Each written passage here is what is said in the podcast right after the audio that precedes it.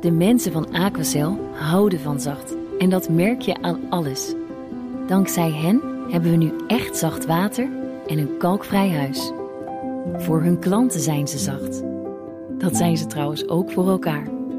Voor ons zijn zij de kracht van zacht. Aquacel. 100% zacht water, 100% kalkvrij.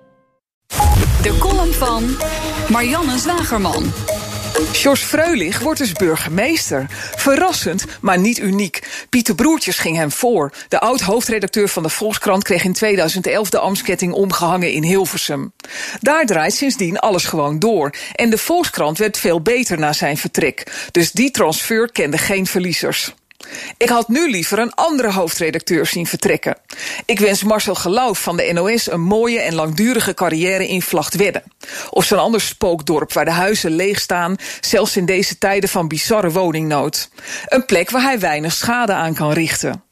Onder zijn verantwoordelijkheid verscheen zaterdag een artikel op de NOS-site met de kop: Nederlanders met familie in IS-kampen hoopvol door Turkse inval. Alsof het hier om helden gaat, in plaats van smerige oorlogsmisdadigers die meevochten in de meest sadistische oorlog van de recente geschiedenis.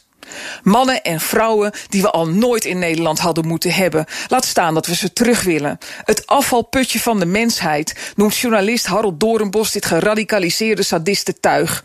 En Harold heeft wel recht van spreken, want hij was de afgelopen week weer midden in het Syrische oorlogsgebied.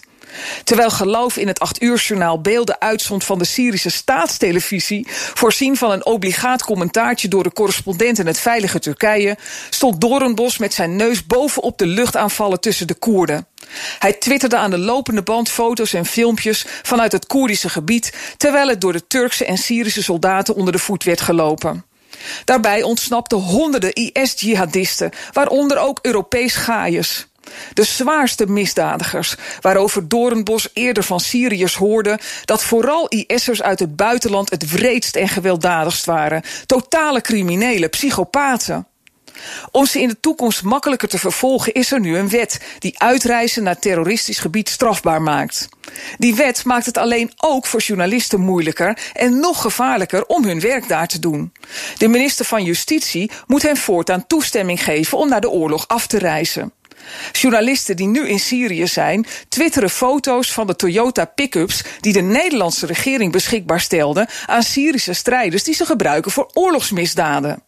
Alleen door maandenlang vasthoudend speurwerk van journalisten Milena Holdert en Ressinda Han weten wij dat ons belastinggeld voor mensenrechten schendingen wordt gebruikt. Benieuwd hoe Scheuten Grapperhaus wordt met de vergunningen voor journalisten. En dat zijn Marianne Zwageman op dinsdag, onze columnist... en al onze columnisten. Met hun columns kunt u terugluisteren op bnr.nl in de BNR-app. En daar vindt u ook allerlei hele mooie podcasts. Ga die luisteren.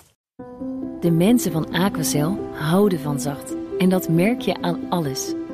Dankzij hen hebben we nu echt zacht water en een kalkvrij huis. Voor hun klanten zijn ze zacht. Dat zijn ze trouwens ook voor elkaar.